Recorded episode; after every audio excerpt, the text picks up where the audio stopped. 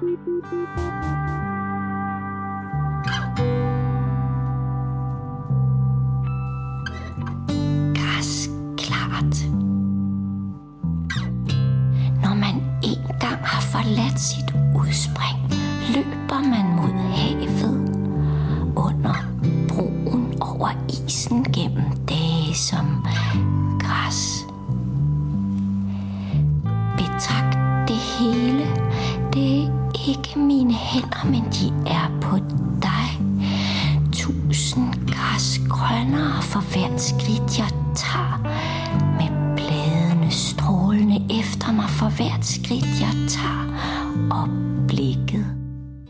Hende du hører lige nu, det er forfatteren Ursula Ankær Olsen. Hende kan du høre mere til i den næste halve times tid. de fjernheder, alle de nærheder, man tager med sig. Nummeret her det stammer fra albummet Græsklart fra 2008, hvor musikeren Morten Okbo sætter musik til Anka Olsens digte. Det er et af mange eksempler fra de senere år, hvor musikere og forfattere samarbejder og skaber noget nyt og interessant i mødet mellem litteratur og musik. Men hvorfor giver det mening at sætte musik og litteratur sammen? Hvilket Hvad er det litteratur og musik hver især kan? Og er der noget musik kan udtrykke, som sproget ikke kan? Og omvendt, er der noget sproget kan udtrykke, som musikken ikke kan? Velkommen til Leitmotiv, Biblioteket Frederiksbergs podcast om din yndlingsmusik. Mit navn er Morten Amitsbøl, og i den her lidt særlige udgave ser vi på forholdet mellem litteratur, poesi og sprog på den ene side, og musik på den anden. For at blive klogere på det forhold, skal vi netop snakke med Ursula Ankær Olsen. Hun er kendt for en lang række sprudlende og legesyge bøger, senest romanen Krisehæfterne fra 2017. fiske det.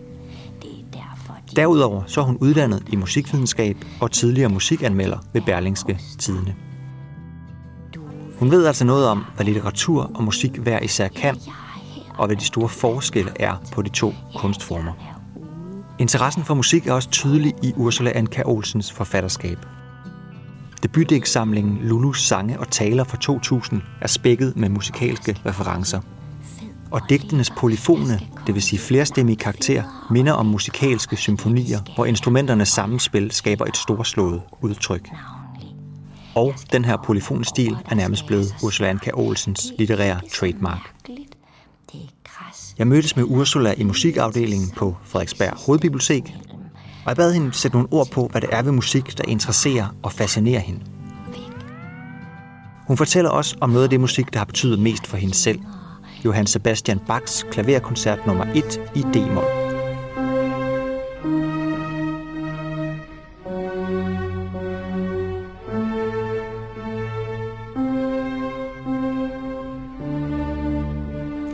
Inden vi når så langt, så skal vi høre, hvordan hendes begejstring for musik startede, og hvordan den har udviklet sig gennem årene.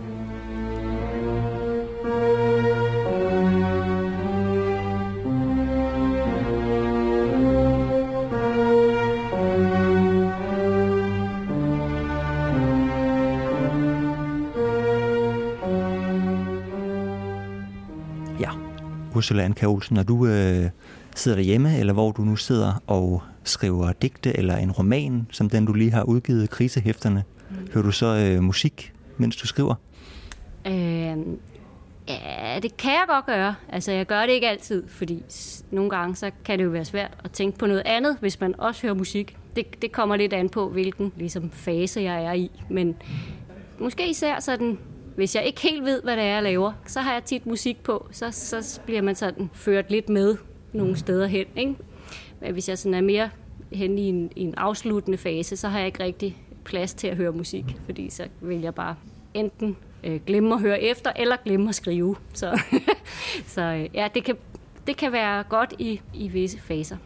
Så du bruger det til at få inspiration, når du skriver?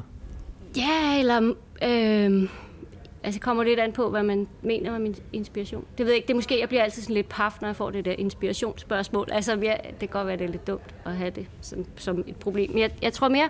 Altså, måske er det mere noget med, at hvis man nu er sådan ligesom hører efter noget musik, og så lader sådan noget af sin bevidsthed være et andet sted, så kan, man, så kan der ligesom komme hul igennem til noget andet. Ikke? Så det er måske mere et eller andet med, at det ligesom kan skrabe nogle andre tanker væk, så at sige, i musikken, ikke? og så kan, man, så kan der ligesom komme hul igennem til nogle ting, som ellers ikke vil komme frem, tror jeg.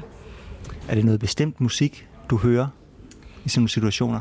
Øh, nej, altså det er, jeg hører vildt meget forskellig musik, men altså mest, mest det, øh, det, der i almindelig tale hedder klassisk øh, musik, det er ligesom det, jeg er ja, opdraget med, og som jeg kender, og som, som jeg hører. Men det kan jo godt være, i hvert fald når man er inde i det, ret forskellige har du selvfølgelig. Så, mm.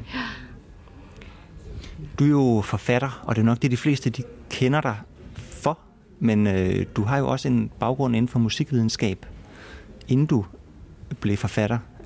Hvordan kan det være, at du skiftede spor, hvis du gjorde det? Ja, øh, nå, altså, altså, det kan man jo godt sige, helt sikkert. Jeg, altså, jeg ville jo egentlig godt have været pianist, da jeg var sådan en stor pige. Der var det, jeg spillede rigtig meget klaver, og jeg, det ville jeg virkelig gerne, men altså, på den anden side, så var jeg hverken sådan øh, på, på det sådan talentmæssige niveau, eller god til at spille for folk. Og så pludselig, så kom der noget andet i stedet. Det tror jeg var godt for alle, kan man sige. Men altså, så havde jeg jo så altså netop allerede, før jeg begyndte at skrive, var jeg jo så begynde at læse musikvidenskab, øh, i stedet for at skulle være musiker selv. Ikke? Fordi ja, musik, det ligesom altid har fyldt virkelig meget for mig. Og musikvidenskab er også et, et virkelig fedt fag. Det var det i hvert fald, da jeg gik der, synes jeg. Det, jeg kan, det kan jeg virkelig godt lide, som, som den der blanding af, man arbejder med systemer og, og så med udtryk, altså ekspressivitet og system, den blanding, der er i musik, som, som jeg synes er, er fantastisk. Og det er måske, ved jeg ikke så meget om, om rytmisk musik, men altså, man sige, det, det er klart, for den klassiske musik, så er det der systemdannelse er virkelig øh, massiv til stede, øh, og så samtidig med det netop også er helt vildt jo udtryksbaseret, kan man sige. Det kan i hvert fald nemt bruges til at, at svæve med på af som en eller anden form for ekspressivitet. Kan du huske, hvordan du startede med at høre musik, eller hvordan du oplevede musik, da du var helt ung? Altså, jeg, min far har jo altid hørt vildt meget musik derhjemme. Han er, han, han var musiklærer i gymnasiet, han var også uddannet i musikvidenskab. Så der har altid været vildt meget musik. Altså, jeg kan huske, altså der, hvor jeg tror, jeg har været sådan syv år eller sådan noget, hvor jeg sådan hørte, så hørte vi altid det, der hed klassisk morgenmusik. Det var der i radioen i gamle dage. Jeg ved ikke, om det er der mere. Men det hørte vi sådan hver morgen. Og så var der en morgen, hvor så spillede de sådan en Schubert. Øh, var det en Moma musical eller en en impromptu. Var sådan en lille, sådan en lille stykke, ikke, som ikke er så langt, men og som havde bare, der var et eller andet med harmonikken, som bare sådan, hvor jeg bare sådan tænkte, det var dog det smukkeste i verden. Og så tænkte jeg sådan, jeg begyndte også at spille klaver.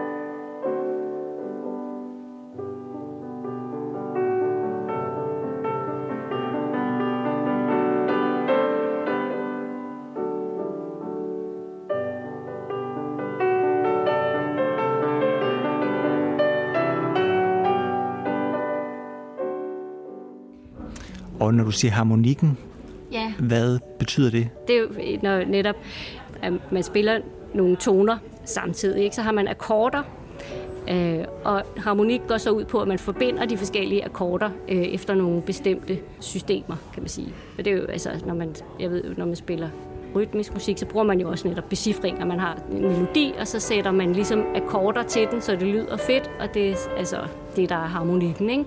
Så hvis man ikke havde haft harmonik, så havde man jo kun haft en enkelt stemme, øh, som kunne synge en melodi, og ikke nogen andre øh, ligesom stemmer eller instrumenter eller noget med. Så harmonik er alt det, der er rundt om melodien, kan man sige.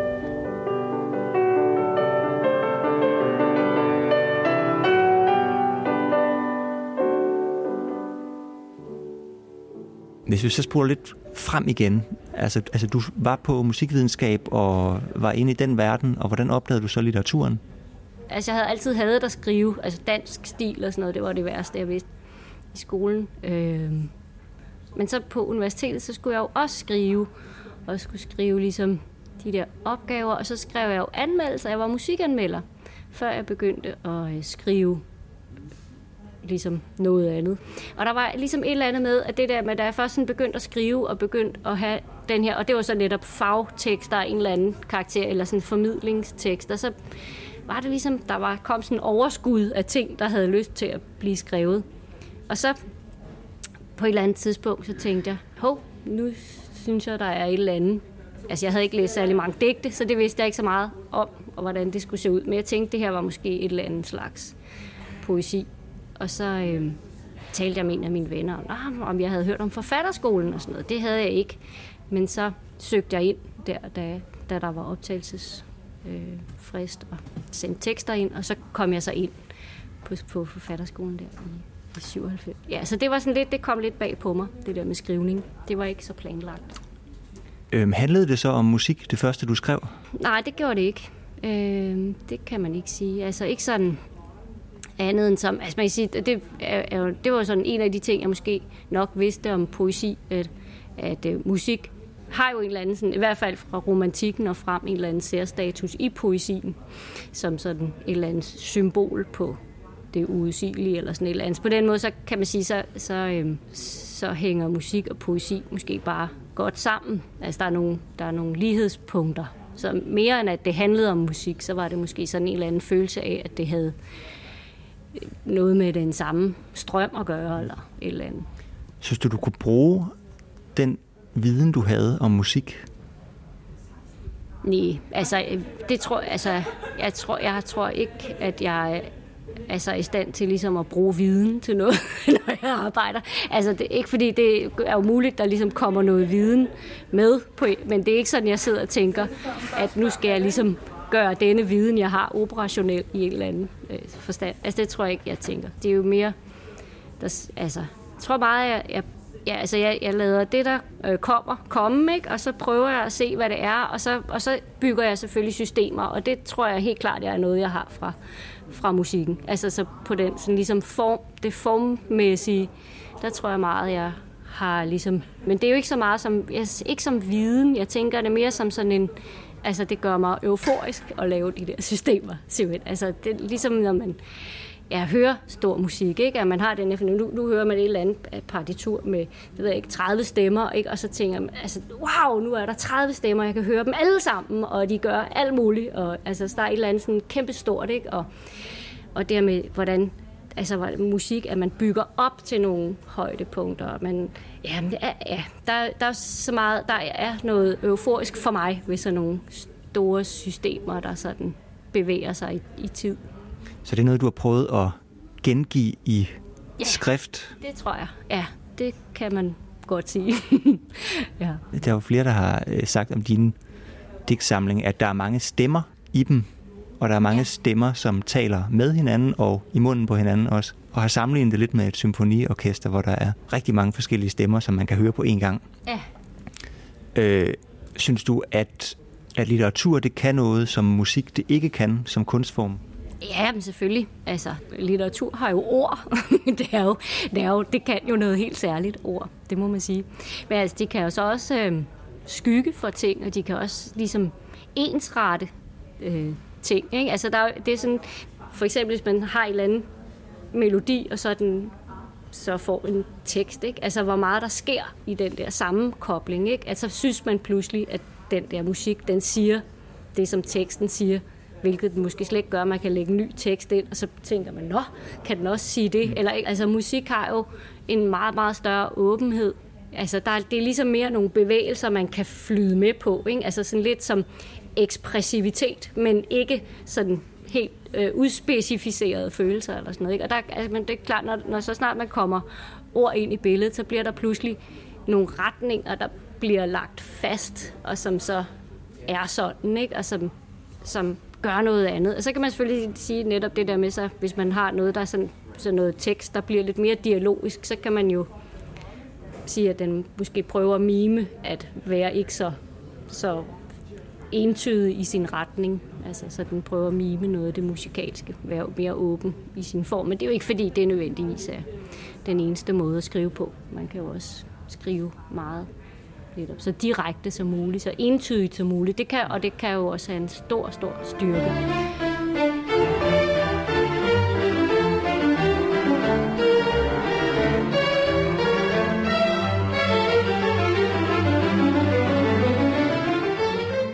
Et af de stykker musik, der betyder mest for Ursula Anka Olsen, er Johann Sebastian Bachs klaverkoncert nummer 1 i D-mol, som Bach skrev i midten af 1730'erne.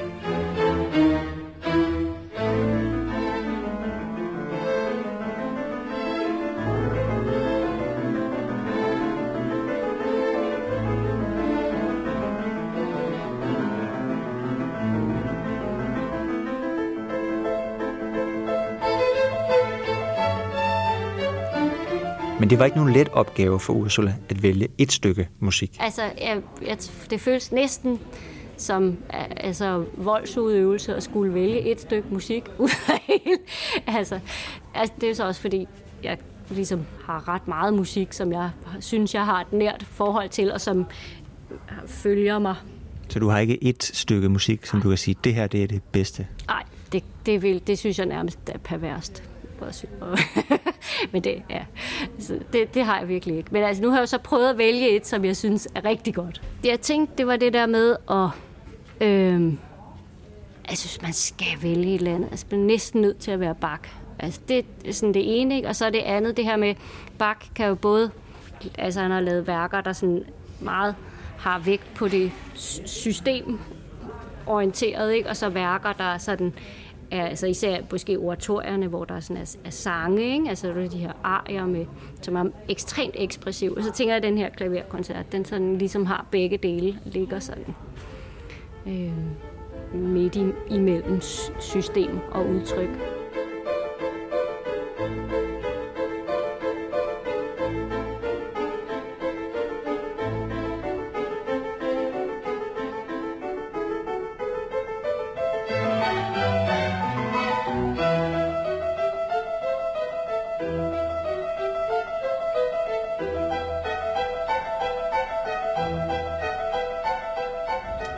Du siger, at, at det næsten var nødt til at være bak.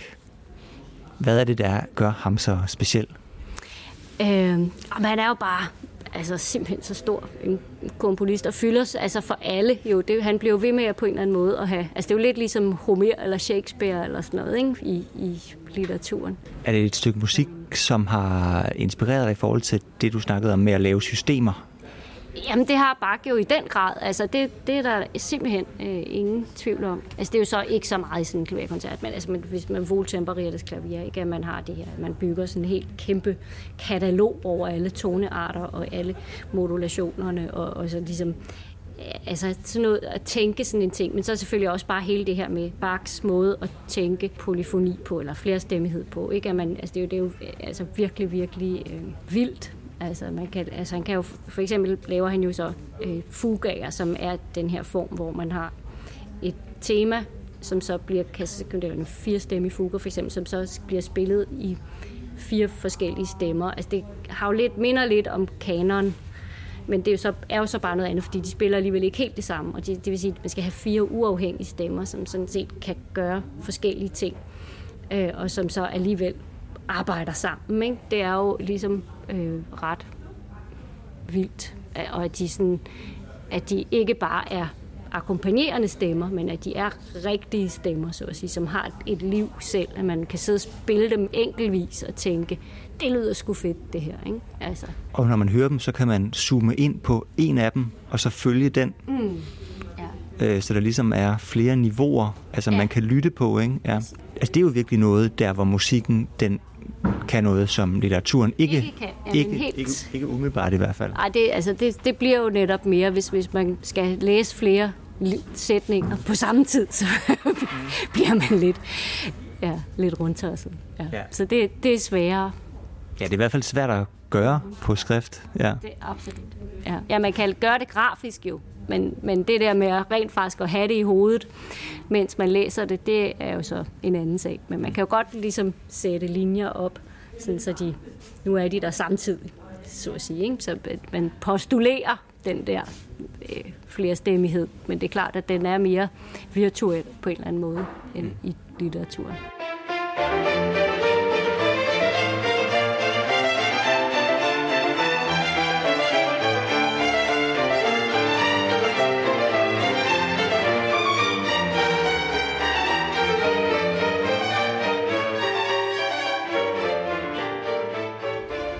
Kan du huske, når du hørte det her stykke musik første gang?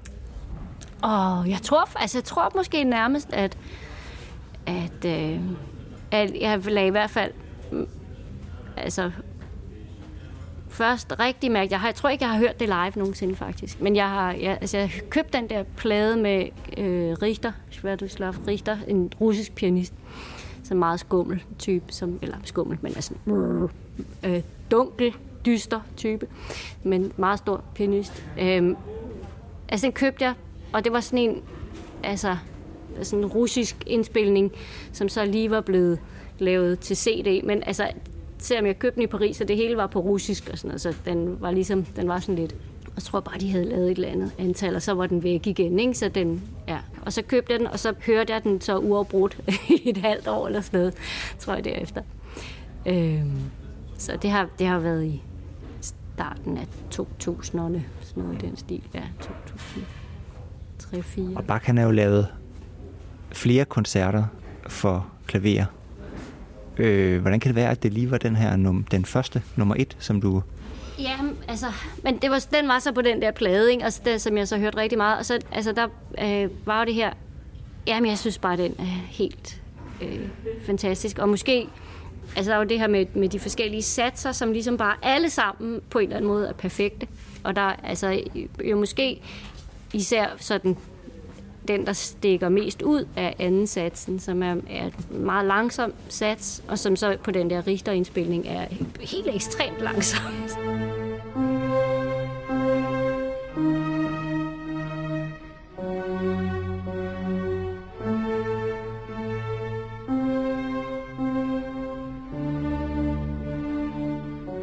Jo et eller andet i selv i sådan noget instrumental musik. Det melodiske element har på en eller anden måde altid en eller anden der overvindrer sådan en eller anden fornemmelse af, at det er en stemme, en menneskelig stemme, ikke, som man kender, så man har det her fornemmelse af et åndedræt, og hvordan skulle åndedrættet kunne holde til det her, ikke? Hvordan skulle så man på en eller anden måde lever med i, at det er en stemme, der kan udtrykke det, selvom det er så et klaver men, eller og, og, orkester.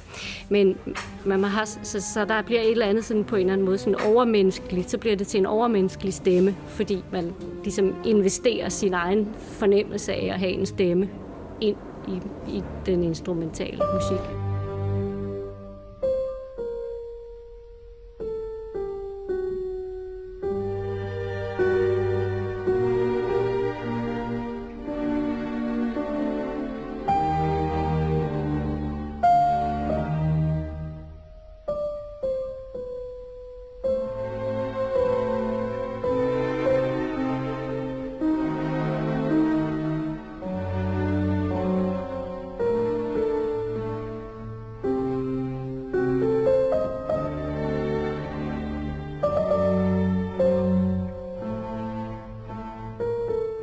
Der er jo nogen, der har sådan analyseret Bachs musik og opdaget øh, forskellige matematiske systemer bag den måde, de er opbygget, og at starten ligesom spejler sig i slutningen og sådan noget. Ikke? Ja. Er det også sådan det der øh, mere teoretiske lag, som fascinerer dig?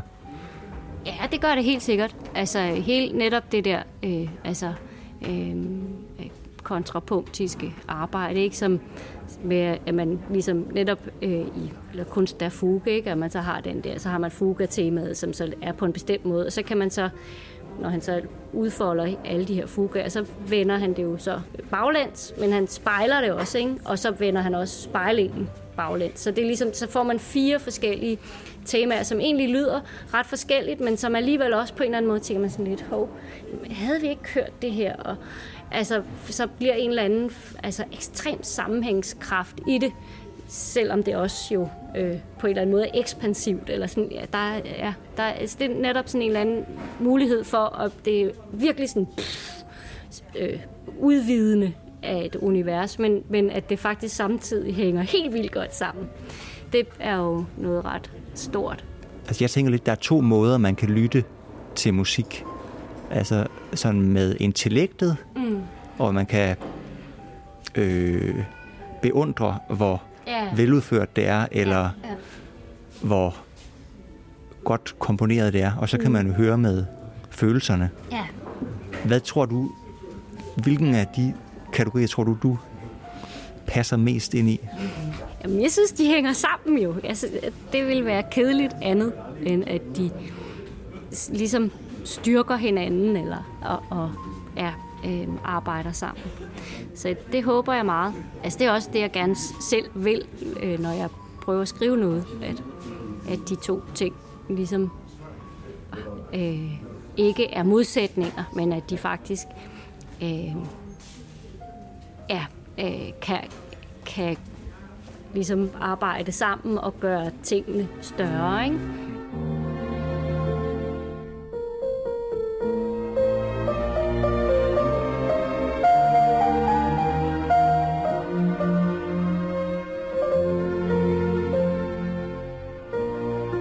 Jeg tænker bare sådan, altså der er jo også mange følelser, som for så vidt har et eller andet rationale i sig, ikke?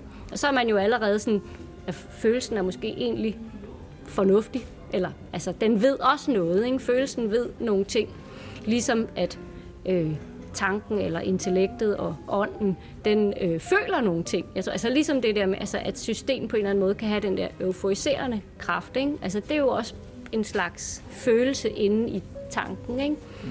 Sådan så, at de alligevel øh, ja, også overlapper hinanden. Selvom de også, altså de kan sagtens ligesom erfares som adskilte. Det, altså det tænker jeg.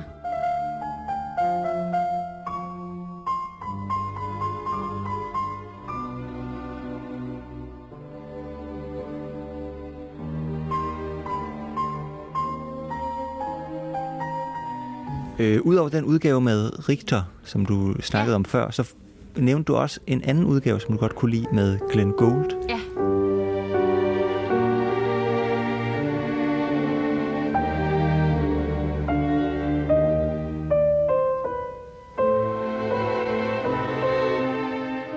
Den kanadiske pianist Glenn Gould er ifølge mange en af de største fortolkere af Bachs musik. Hans ekscentriske person har ikke gjort myten om ham mindre, han er blandt andet kendt for at synge med, imens han spiller.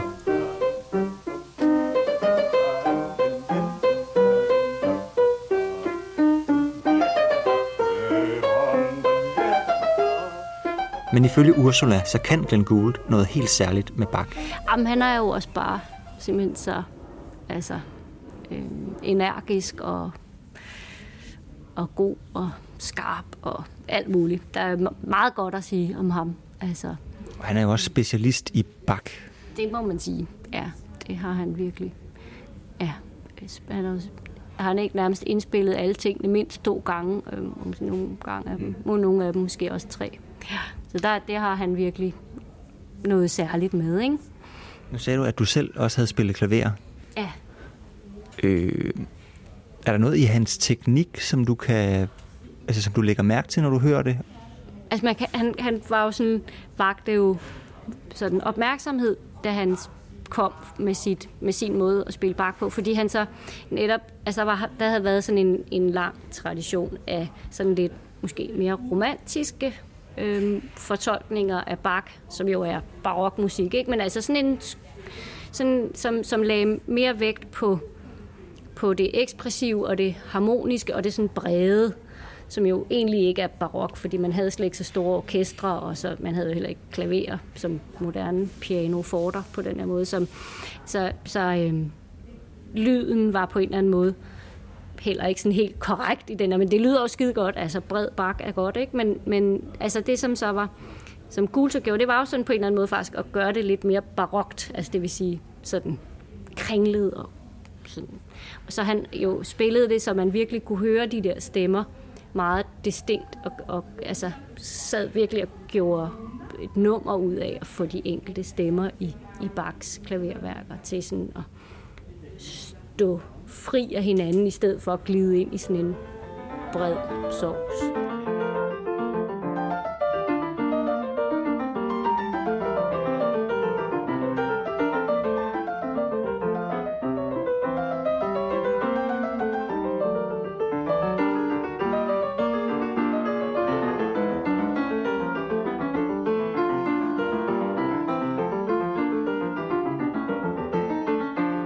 Altså i stedet for, at det bare bliver en bred strøm, ja. og hvor der er en melodilinje, ja. som er den dominerende. Så, så skiller han det virkelig ad, ikke? og karakteriserer ja. de enkelte stemmer meget sådan markant, mm. og synger med, som vi lige talte om mm. tidligere.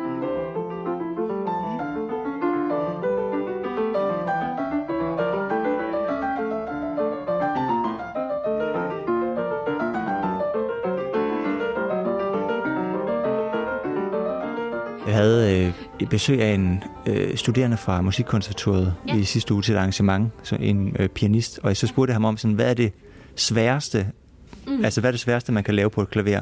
Og så spillede han nemlig Bach. Ja, men det vil jeg også. En fuga, tror jeg det var. Og han sagde, at det, det var helt umuligt for ham at holde fem melodilinjer ja. i fokus på samme tid. Ja. Det mente han kun var øh, autister, der kunne gøre det rigtigt, ikke? ja. Jamen, sikkert. Altså, det er i hvert fald, det er i hvert fald noget, der virkelig er ekstremt krævende at spille, at spille øh, bak fuga. Der skal man måske være en, en person som Glenn Gould. Ja, det, ja, for eksempel. Altså, der er jo, ja, der er jo mange store pianister, som har kunnet spille det her. Og det er jo, altså man kan sige, det er en ting er, at det kan være nemt nok at spille tonerne, ikke? men det er jo mere det der med ligesom at altså rent faktisk kunne netop differentiere det, mens man spiller det selv, ikke? så man selv ved, hvad man spiller. Altså fordi, der, jeg tror, at alle mulige kan selvfølgelig lære at spille det. Altså det er jo ikke sådan den, det værste af det, vel, men det, altså, det der med at, at høre det, ikke? og det er jo også sådan, så kræver, det er måske også netop det der med, at, at Gul så havde et eller andet temperament, som så passede med noget i bak, som så ligesom gled sammen i, i, i, i en lykkelig forening. Mm. Øh, hvor tit hører du det her stykke musik? Jamen, det hører jeg jævnligt. Altså, ja, hvornår hvor tit hører det? Sådan, er sikkert øh, et par gange om måneden, eller sådan, ja. ja det vil jeg tro. Nogle ja. gange, altså, nej, jeg hører måske mere sådan, så hører den ligesom en uge, og så går der måske et par måneder. Det er måske mere på den måde. Ja. Altså, så du kan stadigvæk tage den frem og se noget, nogle ting i den, eller ligesom, du bliver ikke træt af den? Nej, jeg bliver ikke træt af den i hvert fald. Det, det tror jeg ikke. Jeg kan jo nogle gange så tænke, nu havde jeg lyst til at høre noget andet. Men altså ikke sådan, så jeg egentlig tænker, at den er færdig. Det, men øh, og jeg ved heller ikke, om jeg egentlig... Altså det der med at se noget nyt. Altså, jeg, jeg, ja, det ved jeg ikke engang, om, om det er nødvendigt. Eller sådan, altså, ja, det, jeg tænker bare, jeg kan godt lide at være sammen med den.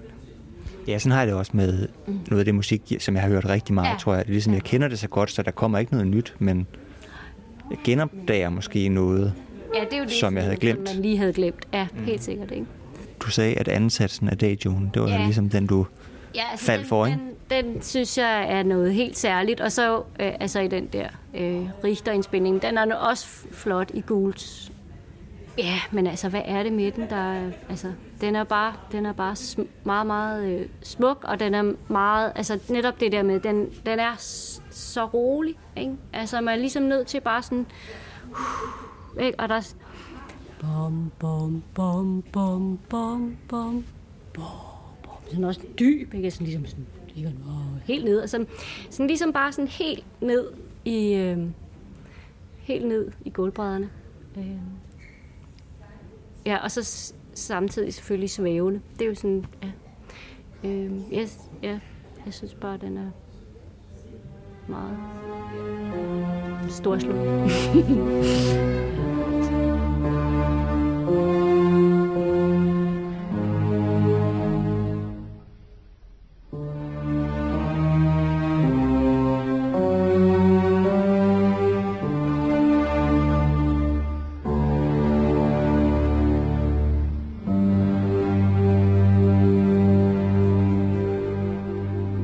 Du har lyttet til Leitmotiv, Biblioteket Frederiksbergs podcast om din yndlingsmusik. Vi har været i selskab med forfatter Ursula Anka Olsen, der fortalte om noget af sit yndlingsmusik, Johann Sebastian Bachs klaverkoncert nummer 1 i D-mol. Vi hørte udgaver med Svatoslav Richter og Glenn Gould.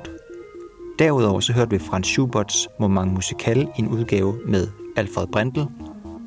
Og så hørte vi Morten Ogbogs album Græsklart fra 2008, hvor han sætter musik til Ursula Anka Olsens digte. Husk, at du kan finde de tidligere udgaver af Leitmotiv på bibliotekets hjemmeside fkb.dk, i iTunes eller i din foretrukne podcast-app. Mit navn er Morten Amitsbøl. Vi høres ved.